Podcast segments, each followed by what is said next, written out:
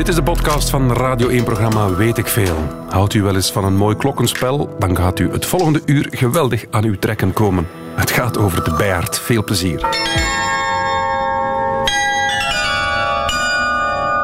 Radio 1. Weet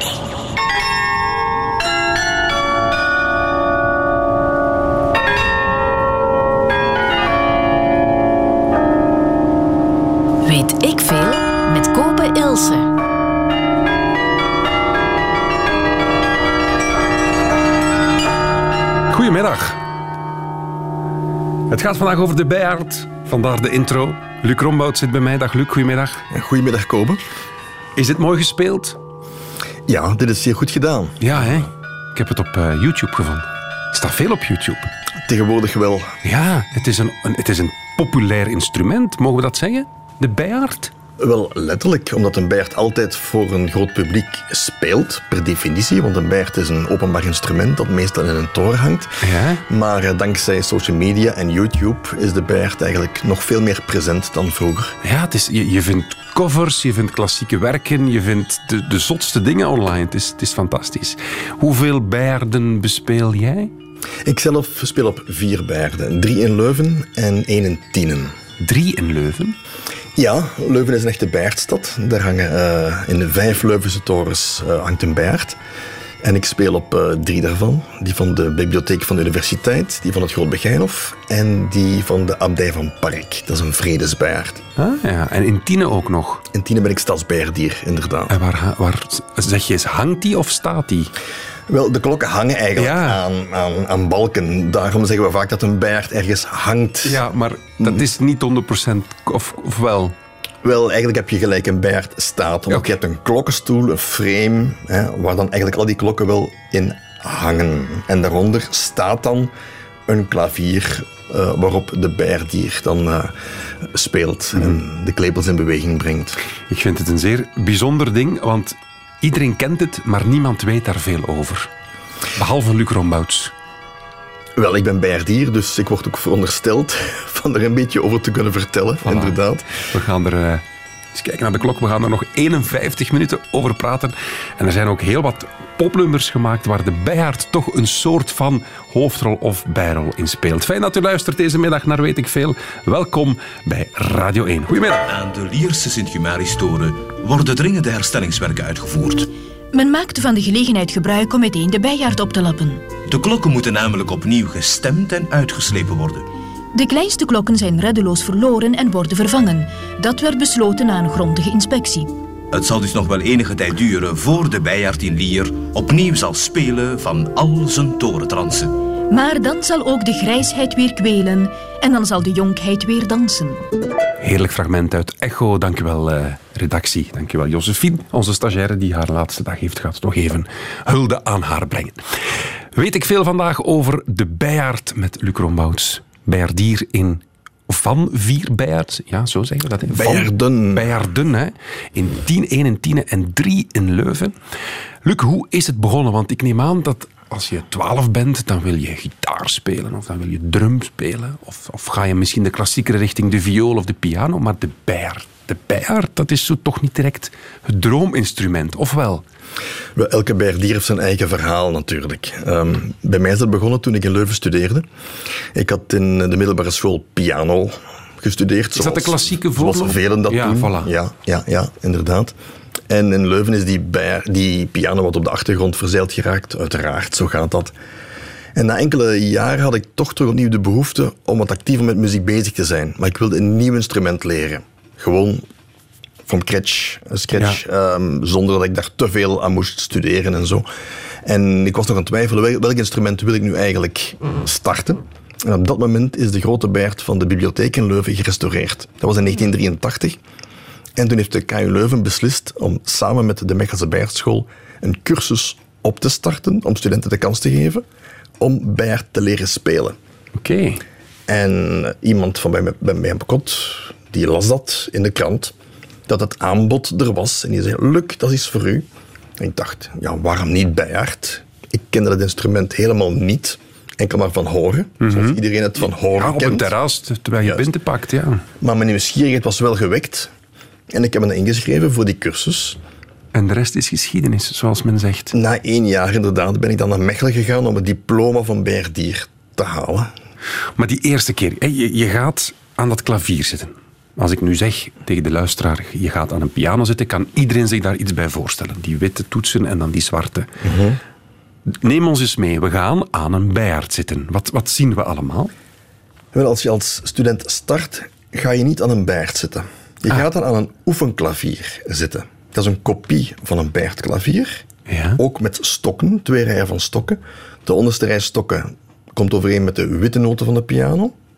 Ah, En de bovenste rij met de zwarte noten van de piano. Dus het is eigenlijk een soort piano. Het is een toetsinstrument, maar het zijn stokken in plaats van toetsen die je met je vingers kan bedienen. Maar het is wel het klavier, do, re, mi. Het, het, het is wel exact hetzelfde. Exact hetzelfde. Ja, Ah. ja, dat wil zeggen dat organisten en pianisten eigenlijk een voordeel hebben als ze beginnen met bijaardles te volgen, omdat ze dat klavier al kennen.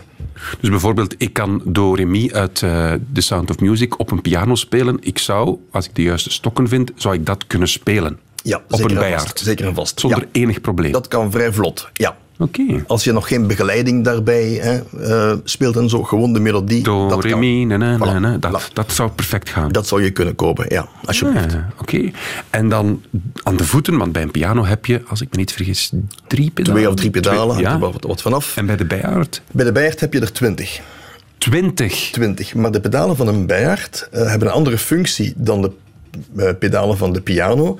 Want de pedalen van een bijaard die, eh, zijn verbonden met de basklokken. Met de zwaarste klokken van de bijaard. En je kan eigenlijk het pedaal van een bijaard wat vergelijken met het pedaal van een orgel. Omdat ook de baslijn in het orgel met het pedaal wordt bespeeld. Wauw. Dus je kan eigenlijk een, ehm een eh, zo bekijken dat wat een pianist met de rechterhand doet, meestal de melodie, daar heeft een bijaardier zijn twee vuisten voor nodig. Ah, ja, of zijn ja, twee tuurlijk. vlakke handen, dat hangt een beetje van de muziek af. En wat de pianist met de linkerhand doet, dus de begeleiding, de zware noten, daar gebruikt de bijaardier zijn voeten voor. Dat is wel even herprogrammeren, denk ik, als pianist. Hè? Nou, als Ja, motor is dat niet simpel. Nee. Ja, je moet er echt op oefenen om dat de baas te krijgen, die, die coördinatie, die motoriek. Dat klopt. Hoe lang hoe ben je daarmee bezig om dat toch iets of wat onder de knie te krijgen? Dat duurt een aantal jaar. Toch. Dus eer je het diploma van bijaardier haalt, dat duurt vier à acht jaar ongeveer. En voorleer je die coördinatiepedaal manuaal, hè, met de handen dus eh, de baas bent, ben je toch al snel anderhalf jaar, twee jaar bezig. En nu begin ik te, te begrijpen waarom je zegt dat studenten dat op een oefenklavier doen.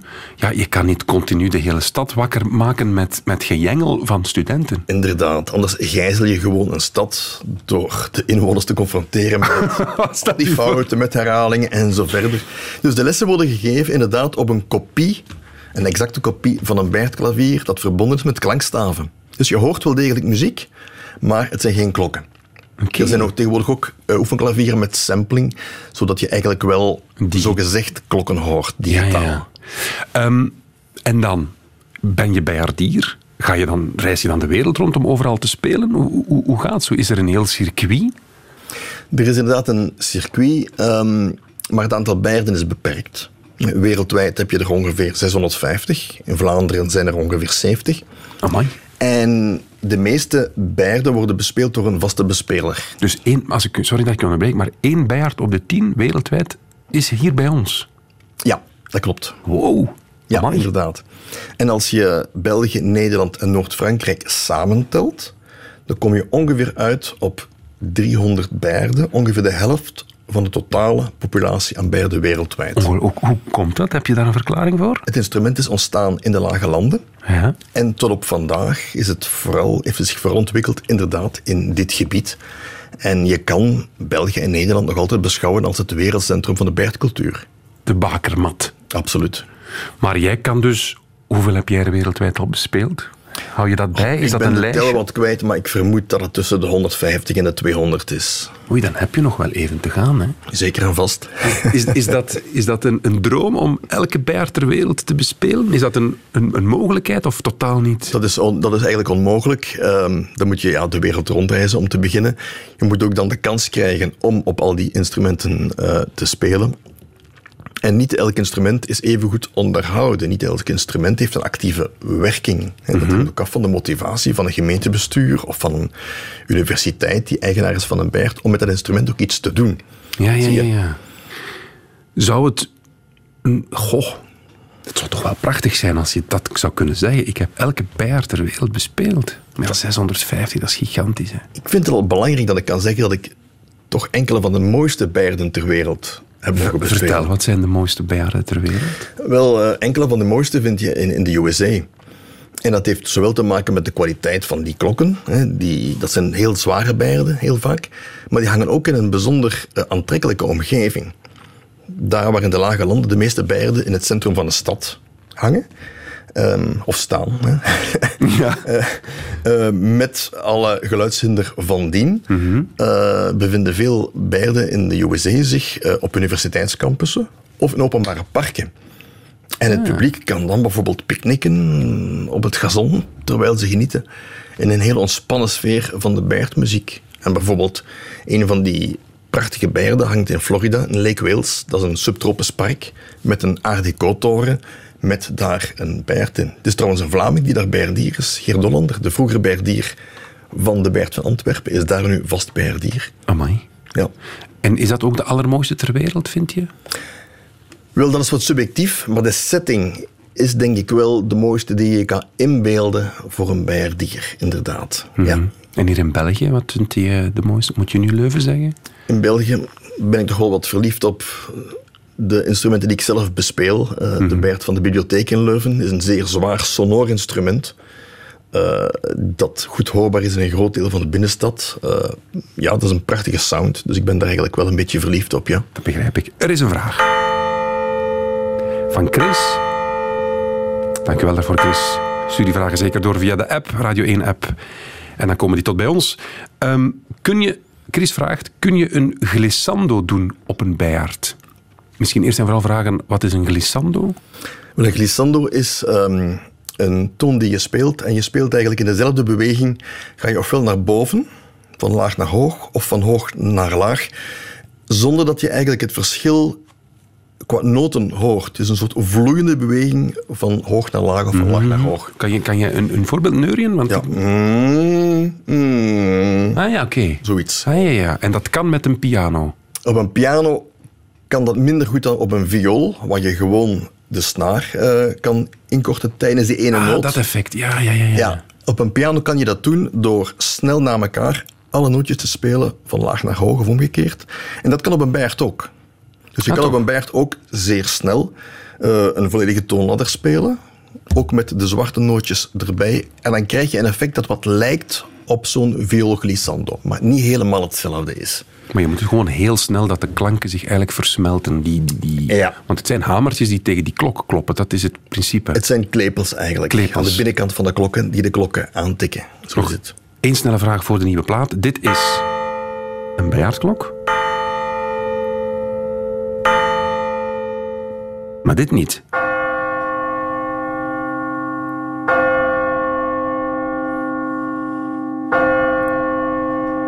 Hoor het verschil in klank, maar waarom is de ene een bijaardklok en de andere is een kerkklok? Een tijdklok, een uurklok. Hm? Ja, en Nu, ehm, is dat niet gewoon hetzelfde? Nee. Dat kan hetzelfde zijn, want eh, sommige zware bijaardklokken worden ook gebruikt als uurklok. Ah ja. Of als luidklok, als liturgische luidklok. Dan gaat de klok heen en weer en dan hangt de klepel los. Ehm, in het algemeen zijn bijaardklokken meestal nauwkeuriger gestemd Ah. dan luidklokken. Luidklokken kunnen nauwkeurig gestemd worden, maar dat is niet zo noodzakelijk, Het omdat moet je dan veel lawaad maken. het moet sonor zijn, laten we het zo zeggen. En de basistoon moet de juiste zijn. Maar bij bijaardklokken is die norm van zuiverheid eigenlijk wel hoger. Oké, straks gaan we effectief de bijaard stemmen. Weet ik veel? Gaat vandaag over de bijaard hier in Weet ik Veel met Luc Rombouts, een man die al van 1983 het instrument bespeelt. Wat hebben we al geleerd? Dat een bijaard ergens staat en niet echt hangt, al hangen de klokken er wel. Dat is een beetje het moeilijke. Ja, maar het instrument. De klokken zijn deel van het instrument. Of is het klavier het instrument en de klokken. Nee. Het instrument is het geheel Ja. van zowel de, het speelmechanisme, het klavier, als de klankdragers, namelijk de klokken. En al wat daartussen hangt. Want je hebt natuurlijk de klepels, de klepels bewegen. De klokken bewegen niet, die trillen enkel omdat de klepels de klokken aantikken. Dus het, is, het zijn niet de klokken die bewegen. Ze luiden niet, Ja, ja, ja. in tegenstelling tot liturgische klokken. Ze hangen vast. En tussen de toetsen en die klepels die je in beweging brengt, hangt natuurlijk een hele mechaniek van draden en hefbomen. Ja, ja, ja, ja. ja. En dat geheel is de bijaard. Oké, oké. Ehm, we hebben een fragment, we gaan het eh, even laten horen. We horen nu gewoon de klokken. Maar dit is eigenlijk een voorbode van de bijaard die gestemd wordt. Babbel ons, babbel ons eens- eens erdoor. Ja, wij staan nu in een klokkengieterij en verschillende klokken worden getest op hun klank. Niet alleen op hun basisklank, maar ook op de deeltonen die in elke klok ook meeklinken. De deeltonen, dus dat is die resonantie. Of, of niet Wel, dat echt? zijn andere, andere tonen ehm, die ook door die klok worden voortgebracht. En die hoor je als gewone luisteraar niet bewust, maar die maken mee het karakter van de klank. Maar dit is toch geen klok, hè? Nee, dat is het bijveilen van de binnenwand van de klok om die deeltonen op de juiste toonhoogte te krijgen. Wow, wacht. Dus ze gieten een klok. Ze gieten een klok en ze gieten die bewust iets te dik. Zodat er nog een beetje marge over is om aan de binnenkant uit te veilen. Vandaar, die, die, die, als je een klok van binnen bekijkt, zie je echt die, die randen, die scherpe inkepingen. Dat is dat. Juist, dat zijn zo bijna jaarringen van een boom Ja, eigenlijk. absoluut. Wel, dat zijn eh, sporen van dat stemproces met een bijtel. Oké. En hoe minder... Wat, wat is het? Is het brons? Of wat- Het is brons. En hoe minder brons, hoe hoger of hoe lager de toon? Of, of kan je dat moeilijk zeggen? Hoe dunner de wand van de klok, hoe lager de toon. En ik weet, dat is contra-intuïtief. Ah. Ja, want absoluut. bijna iedereen denkt van hoe dikker een wand, hoe lager Ja? de, de, de toon van een klok. Nee, het is het omgekeerde. Dus als je twee klokken hebt die even groot zijn, en de ene is dikker dan de andere, dan zal die dikste het hoogst klinken. Omdat die sneller trilt, die wand. Ja. Dus je kan een klok enkel maar naar omlaag stemmen door de wand dunner te maken. Daarom dat ze de klok te dik maken, initieel. Heel bewust om nog een beetje marge te hebben om het fijnstemmen mogelijk te maken. En ik heb mij laten vertellen dat je het kan horen als een, ehm, een bijaard vals klinkt. Wacht, ik had er iets staan, dacht ik. Hmm, nee, ik vind het niet direct terug. Maar hoor je het dan als je ergens iets zit te drinken van... hmm, dat, dat, klinkt er een beetje, dat klinkt een beetje raar? Wel, dat kan te maken hebben met inderdaad de kwaliteit van de klokken van een bijaard. Het kan ook te maken hebben met de aard van de muziek die wordt gespeeld. Niet alle muziek is even goed geschikt om te arrangeren en uit te voeren op bijaard. Ik heb het gevonden. Dit zou een voorbeeld zijn van een bijaard die vals klinkt. Inderdaad. Wat horen we? We horen het Reuzenlied, de Reuzegom, een Vlaams volksliedje, gespeeld op de bijaard van Monnikendam. Dat is een klein stadje bij Amsterdam. Oké. En eh, dat is de oudste handbespeelbare bijaard ter wereld, die vandaag nog effectief kan bespeeld worden. Dat is een collega van mij die speelt, Henk Verhoef. En dat is een belangrijk stuk muzikale archeologie. Want een oudere bijaard vind je niet Maar die is muziektechnisch niet meer goed eigenlijk. Of up-to-date. Up to Waarom? date. Omdat in de tijd toen die bijaard is gegoten door een Mechelse klokkengieter van Den Gein, eh, toen was de kennis om klokken te stemmen na het gieten nog niet aanwezig. Die kennis is pas ontwikkeld rond 1645 door twee Nederlandse broers, klokkengieters, de gebroeders Hemonie. En pas vanaf dat moment kan je eigenlijk spreken over een muziekinstrument dat qua toonzuiverheid kan concurreren met alle andere muziekinstrumenten. Maar puur uit, ja, uit het, het, het verleden te eren gaan we, die, gaan we die gewoon bespelen, ook al klinkt die wat vals. Zo is dat. En mijn collega is handig genoeg als muzikus om toch het beste uit die klokken te halen. Kan je dan met, hoe, doe je dat? Kan je dan met pedalen wat, wat aanpassingen doen? Of kan Het je hangt voornamelijk af van eh, de muziek die je speelt. Je moet je dan beperken tot eenvoudige, heel tonale eh, melodieën. Hij heeft ook maar, denk ik, 18 klokken. Dus hij heeft maar heel beperkte mogelijkheden qua toonomvang. Mag ik een domme vraag stellen? 18 klokken, 18 noten? 18 noten, inderdaad. Dat komt overeen? Ja, Ah, ja dat komt perfect overeen. Ah, ja, ja, ja. De naam is gevallen van den geheim Van een gein, ja. Matthias. Dat is blijkbaar, daar moeten we het over hebben. Ja, Matthias van Gijn uh, staat in Beiertland bekend als de Bach van de Beiert. De Bach van de Beiert? De Bach van de Beiert. Hij was stadsbijdier in Leuven uh, in de 18e eeuw. En dit jaar vieren wij zijn 300ste geboortejaar. Mm -hmm. En waarom was hij de Bach van de Beiert, of wordt hij zo genoemd? Omdat hij de eerste was van wie we weten dat hij oorspronkelijk Beiertmuziek componeerde. Ah. Eeuwenlang hebben Beierdiers arrangementen gespeeld van liedjes, van dansen, van vocale muziek. Allee, covers, laat ons zeggen, hè? zoals we vandaag nog steeds doen. Hè? Ja, ja, ja. ja, ja. Uh, en Van Gijn die was de eerste die echt muziek schreef die volledig aangepast is aan de muzikale kwaliteiten, kwaliteiten van een Beert. Dat is een preludia. Elf Beert preludia. En quasi alle Beerdiers wereldwijd spelen die muziek ook. Is het ook virtuoos? Of is het speciaal omdat hij de eerste was? Wel, het is ook virtuoos. Het is ook zeer goede muziek. Toch? Um, die echt klokkenmuziek is, puur sang. En die preludia hebben wel een beetje weg van een aantal preludia van Johann Sebastian Bach. Uiteraard zonder het niveau te halen. Maar er is wel een oppervlakkige gelijkenis met wat preludia van de grote Bach. Vandaar die bijnaam. We luisteren naar preludia nummer 8. En dit is dus door die Matthias van den Heijn, Gein, van den Gein. Van den Gein, speciaal geschreven voor de Bijaard en dat maakt het vrij uniek. Ja, zo is dat. We luisteren.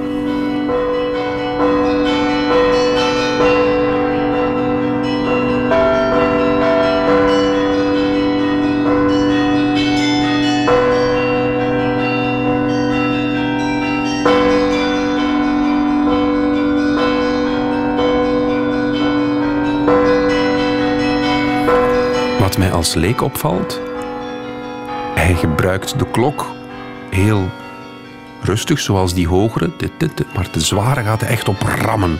Is, is dat het teken dat die muziek echt gemaakt is voor de bijaard? Die, die, die verschillen in dynamiek? Het heeft vooral te maken met het feit dat hij gebroken akkoorden gebruikt. Dus drie klanken, zoals in muziek zeggen. Ja. Um, en dat hij die akkoorden niet samenspeelt, want dan zou je een clash krijgen van deeltonen en zo verder tussen die verschillende klokken, maar dat hij dat eigenlijk uitspreidt over een vrij snel notenbeeld, ja. waardoor elke klok voldoende tijd heeft om uit te klinken en je een soort harmonische weefsel krijgt dat aangenaam is om te horen. Dus muziek speciaal geschreven voor een bijaard is muziek waar die misschien de noten wat langer laat gelden. Ja. Omdat ja, een klok heeft, ja, dat heeft een bepaalde echo en je moet die wel eren. Dat is eigenlijk ja. het principe. Je kan op een bijaard zeer snel spelen, dat is technisch perfect mogelijk. Maar dan moet je ook wel de juiste muziek uitkiezen. En vaak functioneert bijaardmuziek het best voor het publiek als inderdaad die klokken niet met elkaar in conflict gaan. He, want die klokken die hebben een lange uitklinktijd. Ja, ja, ja, interessant. En als je uh, te complexe muziek te snel speelt, dan wordt de helderheid van de muziek lager en dan gaan de mensen de muziek ook niet goed herkennen. Mhm. Terwijl die herkenbaarheid toch wel zeer belangrijk is. Ja, en die herkenbaarheid, wat ik heel fijn vind, jij speelt zelfs krachtwerk op de bijaard.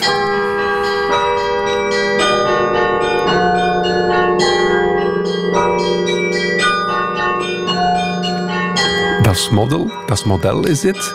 Inderdaad. Dit is toch snel. Hier ga je toch niet het instrument ten volle gebruiken, de klank volledig laten uitsterven? Nee, maar dat hoeft niet. Omdat um, dat werk van krachtwerk laat dat perfect toe. Ah, dat is zeer tonaal, dat is ritmisch onwrikbaar, dat is zeer voorspelbaar. Is ook zeer gekend bij het publiek. Dus daar kan je inderdaad wat sneller spelen. Het zou zelfs nog sneller kunnen, het zou nog duidelijk blijven. Ja, ja, ja. Deze song, ja. Allee, song, dit, dit stuk, ja. Ken je deze?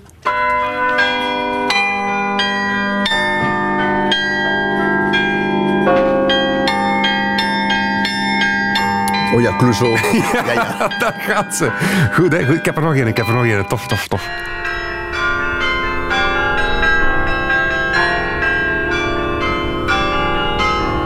Stijn. Ja, dat is Mia natuurlijk. Ja, ja, ja.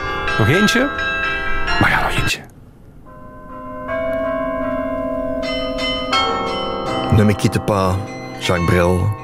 Klinkt prachtig op klokken. Ja, zeg. We gaan luisteren.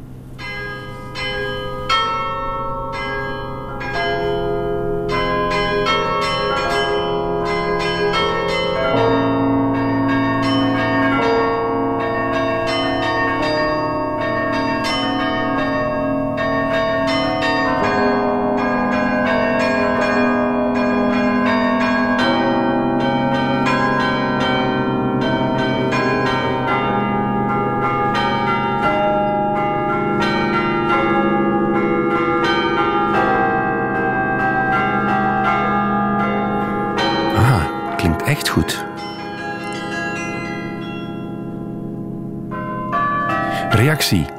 Ik ben Willem Alexander Fransen en ik ben de kleinzoon van juwelier Piet Fransen. Mijn grootvader liet in 1965 de eerste bijaard aan een privéwoning en winkel installeren. Zo werd in Hasselt het huis met de bijaard een waar begrip. Ik ken dat huis, want ik ben zelf afkomstig van Hasselt. Is het waar? Dus ik ben daar uh, als kind heel regelmatig uh, langsgelopen. Ja? Uh, dat was een, inderdaad een zeer opvallende juweliersgevel. Met een tien of twaalftal klokjes. En ook een figurenspel. Dus er kwamen poppetjes uit. Maar, Om het uur, denk ik. Nu, we noemen dat niet echt een bijaard. Omdat, om over een bijaard te spreken, moet je ook over dat klavier beschikken. En er is ook een norm, je moet dan minstens 23 klokken hebben, twee octaven en zo verder. Ja, ja. Maar het wordt wel vaak bijaard genoemd. Wij noemen dat eigenlijk in het jargon een voorslag. Waarom voorslag? Omdat die melodie de uurslag aankondigt. Ah, En ja, zo is de. Bijrt ook ontstaan. Eh, een van de voorlopers van de Bijrt is eh, het jingletje dat in de 14e en de 15e eeuw de eerste slag van de uurklok aankondigde. Zodat de mensen op voorhand wisten, ah, ik moet tijdig beginnen te tellen. Anders moest men een gans uur wachten voor alleen maar nog eens de kans had om het uur te weten te komen, want er waren nog geen wijzerplaten. Hè? En dat heet echt het jingeltje. Wel, ik noem het een jingletje, Ah, maar dat heette de dat- voorslag. Ah, de voorslag. de voorslag. Ik dacht- dat dat de, naam van een jingle was. Je, mag, je mag het een jingletje noemen natuurlijk. Ja, ja, ja. Oké. Floris, waarom staan in België de meeste bijaards in een kerktoren? Of is dat zelfs niet? Of klopt dat niet? Het klopt wel, Wel. maar dat is om de goede reden dat eh, in de meeste steden de belangrijkste toren een kerktoren is. Het is niet ook- meer je- dan dat. Je hebt ook belforten natuurlijk. Dus eh, de meeste belforten in de lage landen bezitten ook een bijaard. Maar in steden waar geen belfort is, fungeert vaak de kerktoren als belfort. Of de hoofdkerk is dan de enige plaats waar de stadsbijaard ook in kan geplaatst Ja, worden. Dat heeft wel voor veel verwarring gezorgd, omdat eh, veel mensen beschouwen de bijaard als een kerkelijk instrument.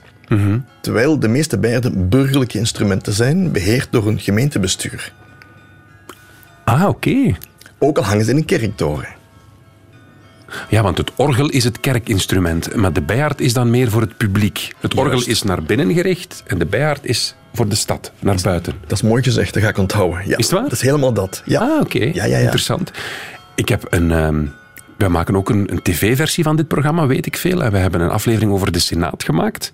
En de Senaat, onze Senaat hier in Brussel, heeft een bijaard. Dat is juist.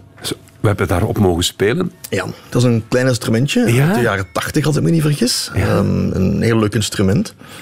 En ehm, ja, omdat de bijaard een typisch instrument is van ons land, is er toen beslist geweest om inderdaad in dat eh, gebouwtje, in dat, eh, op het dak, Ja. een bijaard te plaatsen. Het is inderdaad niet zo groot, maar het, park dat er naast ligt kan enorm genieten van eh, spel op de bijaard van de Senaat.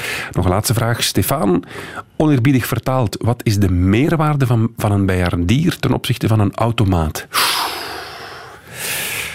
Ja, dat, is een, dat is een heel goede vraag. Ah, toch? Ja, want een bijaard wordt op twee manieren bespeeld. Automatisch, om de tijd aan te duiden. De meeste bijaarden spelen automatisch elk kwartier. Ja. Dat jingletje, hè? Of een langer melodietje, meestal voor het uur dan. En enkele keren per week, of eenmaal per week, speelt dan een bijaardier een vol uur een concert. Zo functioneren de meeste bijaarden. Ehm, nu, die automaat, dat klinkt muzikaal niet zo 100% altijd. Omdat ehm, de meeste automaten niet in staat zijn om verschillen te maken tussen sterk en zacht. Piano en forte. Terwijl een bijaardier dat op het klavier wel kan. Want de bijaard is een mechanisch muziekinstrument, zoals een piano. Dus hoe harder je slaat, hoe harder, hoe harder Ja. het klinkt. Een bijaardier kan dus perfect nuanceren, fraseren, muzikaal spelen. Inderdaad, zoals een pianist. En met de automaat gaat dat niet. Dus muzikaal hoor je eigenlijk al een verschil. En als je bijvoorbeeld een automaat een uur lang zou laten spelen, dan hoort het publiek dat heel duidelijk. Dat wordt irritant, omdat dat zeer vlak en monotoon is. Voilà, Stefan, bij deze is jouw vraag beantwoord. Wat is de meerwaarde van een bijaardier ten opzichte van een automaat? Dat is de dynamiek. De dynamiek, de expressie. De expressie. Weet ik veel? We nemen u even mee naar juni 2000. Een vete op de markt van Tielt. De stadsbeheerdier ging in discussie met de cafébaas om de hoek in het programma De Zevende Dag en dat ontaarde een beetje. Op het gebied van intelligentie kunt u niets presteren, man. We gaan, we gaan de discussie even, even Onmogelijk, rusten, even onmogelijk. rusten, en alles, wat u, even zegt, rusten, alles wat u zegt is irrelevant. Ja, maar even rusten, Niet significant. Maar u bent een vies papatje, nietwaar? Ja, die een klein beetje alstublieft. centraal staan, omdat je cognitief, begrijp dat woord? Cognitief, Meneer Van niks Malen? aan kunt. En dan ga je ook de kunst gaan attackeren. Je gaat de u kunst gaan attackeren. Nu moet op u voor de luisteren. correctionele een- rechtbank. U bent een blasfemisch... U bent een blasfemisch... Pardon, zijn weg. excuseer. De U bent- discussie is U bent een blasfemisch mens. discussie mogelijk. Blasfemisch er mens. gewoon mee stoppen. Kom. Dit heeft geen enkele zin. Pittig volgje, die bejaardiers. Luc Rombouts, ook bejaardier. Schets dat nog eens. Een ongelooflijk fragment. Het staat op, eh, op YouTube voor de mensen die het willen herbekijken. Het, het, het was een conflict, want de bejaardier kon niet verdragen dat er kritiek kwam op zijn spel. Dat is juist. Dat is een legendarisch fragment van de zevende dag. Ja. Ehm, ja, nu het is zo. ehm, mijn collega Berdieren Tielt, die had de gewoonte om ook te oefenen op zijn bijaard. En niet op het oefenklavier. Wat natuurlijk al fout is.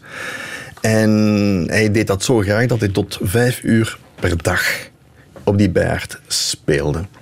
Het was ook een heel lichte bijaard waardoor ja, die klank op den duur ook wel wat irriterend overkwam. En ik kan die cafébaas heel goed begrijpen dat inderdaad zijn klanten van zijn terrassen wegbleven als de bijaard speelde.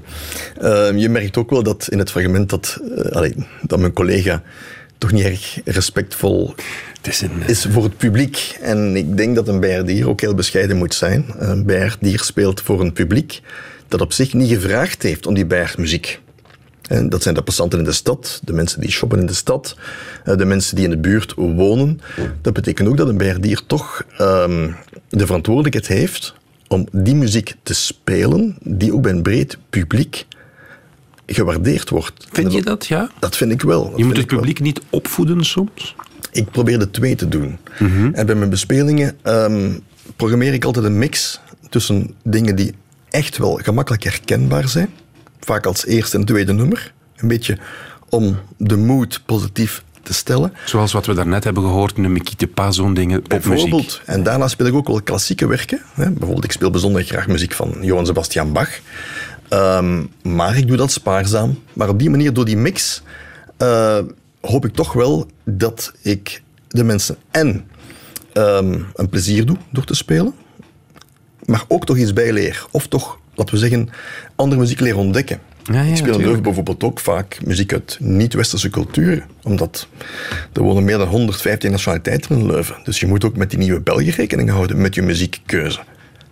Serieus, ja? Het publiek vandaag is niet meer het publiek van 50 jaar geleden. En kan je zo die, die Oosterse muziek, die zo in, in, in onze oren nogal atonaal klinkt, wat vals zelfs, kan je dat ook op een bijaard doen, die Japanse klanken? Verrassend genoeg wel. Wauw. Want eh Chinese en Japanse muziek, dat is vaak pentatonenmuziek. Dat zijn maar vijf noten uit de toonladder. En net die noten die mooi samenklinken op klokken.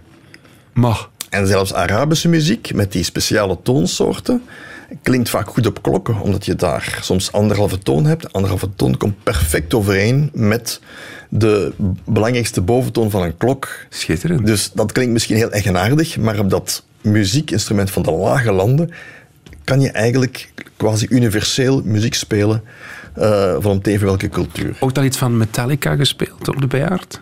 Dat Luc? kan. ehm, ja, dus Nothing Else Matters. Ja. Dat is natuurlijk een rustig nummer. Dat klinkt zeer mooi op klokken. Wel, want er Bono reageert, ik ben een metal-fan en een techno-fan. En in metal heb ik al veel nummers gehoord met een bijaard. Absurd, maar fantastisch. Ja, dat kan. Het is complementair. Ja, ja, ja. Dus in- inderdaad, ehm, eh, een collega van mij heeft onlangs ehm, in de, op de Beert van, van Weert eh, muziek van, van, Motorhead gespeeld. En dat gaat goed. Samen met de gitarist trouwens. Motorhead. Ja, je kan dus ook Beert combineren met een ander instrument dat je dan wel moet versterken vanuit de toren. Ah, oké. Men noemt dat Beert Plus. Dus dan wordt de klokken worden ja, gecapteerd met microfoons en worden mee in de versterker geduwd, waardoor het een mooi samen... De klokken klinken natuurlijk uit Ah, ja. Maar het is het andere instrument dat dan versterkt wordt door luidsprekers die tussen de klokken instaan. Cool. Cool. Ja. Zeg, bijaardiers, hoeveel zijn er wereldwijd? Wel, je mag ongeveer uitgaan van één bijaardier per instrument. Misschien iets minder, dus ga uit van ongeveer een 500 bijaardiers. Dat is niet veel, hè? Nee, nee, nee, we zijn een zeldzame soort. En een klopt. uitstervend ras, of niet? Gelukkig niet. Gelukkig niet. Eh, er zijn meer en meer jonge mensen die het instrument ontdekken. En die interesse hebben om het instrument ook te bespelen. En die zich dan ook inschrijven aan een bijaardschool. Mannen, vrouwen, 50-50? Ehm, vandaag ongeveer 50-50. Traditioneel is een bijaard vooral een mannelijk instrument geweest. De eerste vrouwelijke bijaardiers eh, zijn in Mechelen aan de bijaardschool beginnen te studeren in de jaren 30. Maar vandaag is het ongeveer 50-50. Het is niet zo dat het fysiek te zwaar is. De instrumenten van vandaag zijn vrij ergonomisch Ja. En zijn niet te zwaar te bespelen. In tegenstelling tot 100 jaar geleden. Ja, voilà. Tuurlijk, tuurlijk. Nog een, eh, een vraag van Mark. Wordt er ook katremijn gespeeld op een bijaard? Katremijn op Beert gaat heel goed. Ik eh, vorm met mijn Nederlandse collega, Twan Bejaarde, zelfs een vast uh, Bejaard duo. De En jullie Bells- hebben De Bells Angels heten wij. Bells Angels. Fantastisch. En we spelen al 20 jaar samen. Heerlijke naam. Hoe, hoe lang heeft die brainstorm geduurd? Hoeveel pinten waren er? Dat was heel snel gekozen. De Bells Angels. Dat lag zo voor de hand.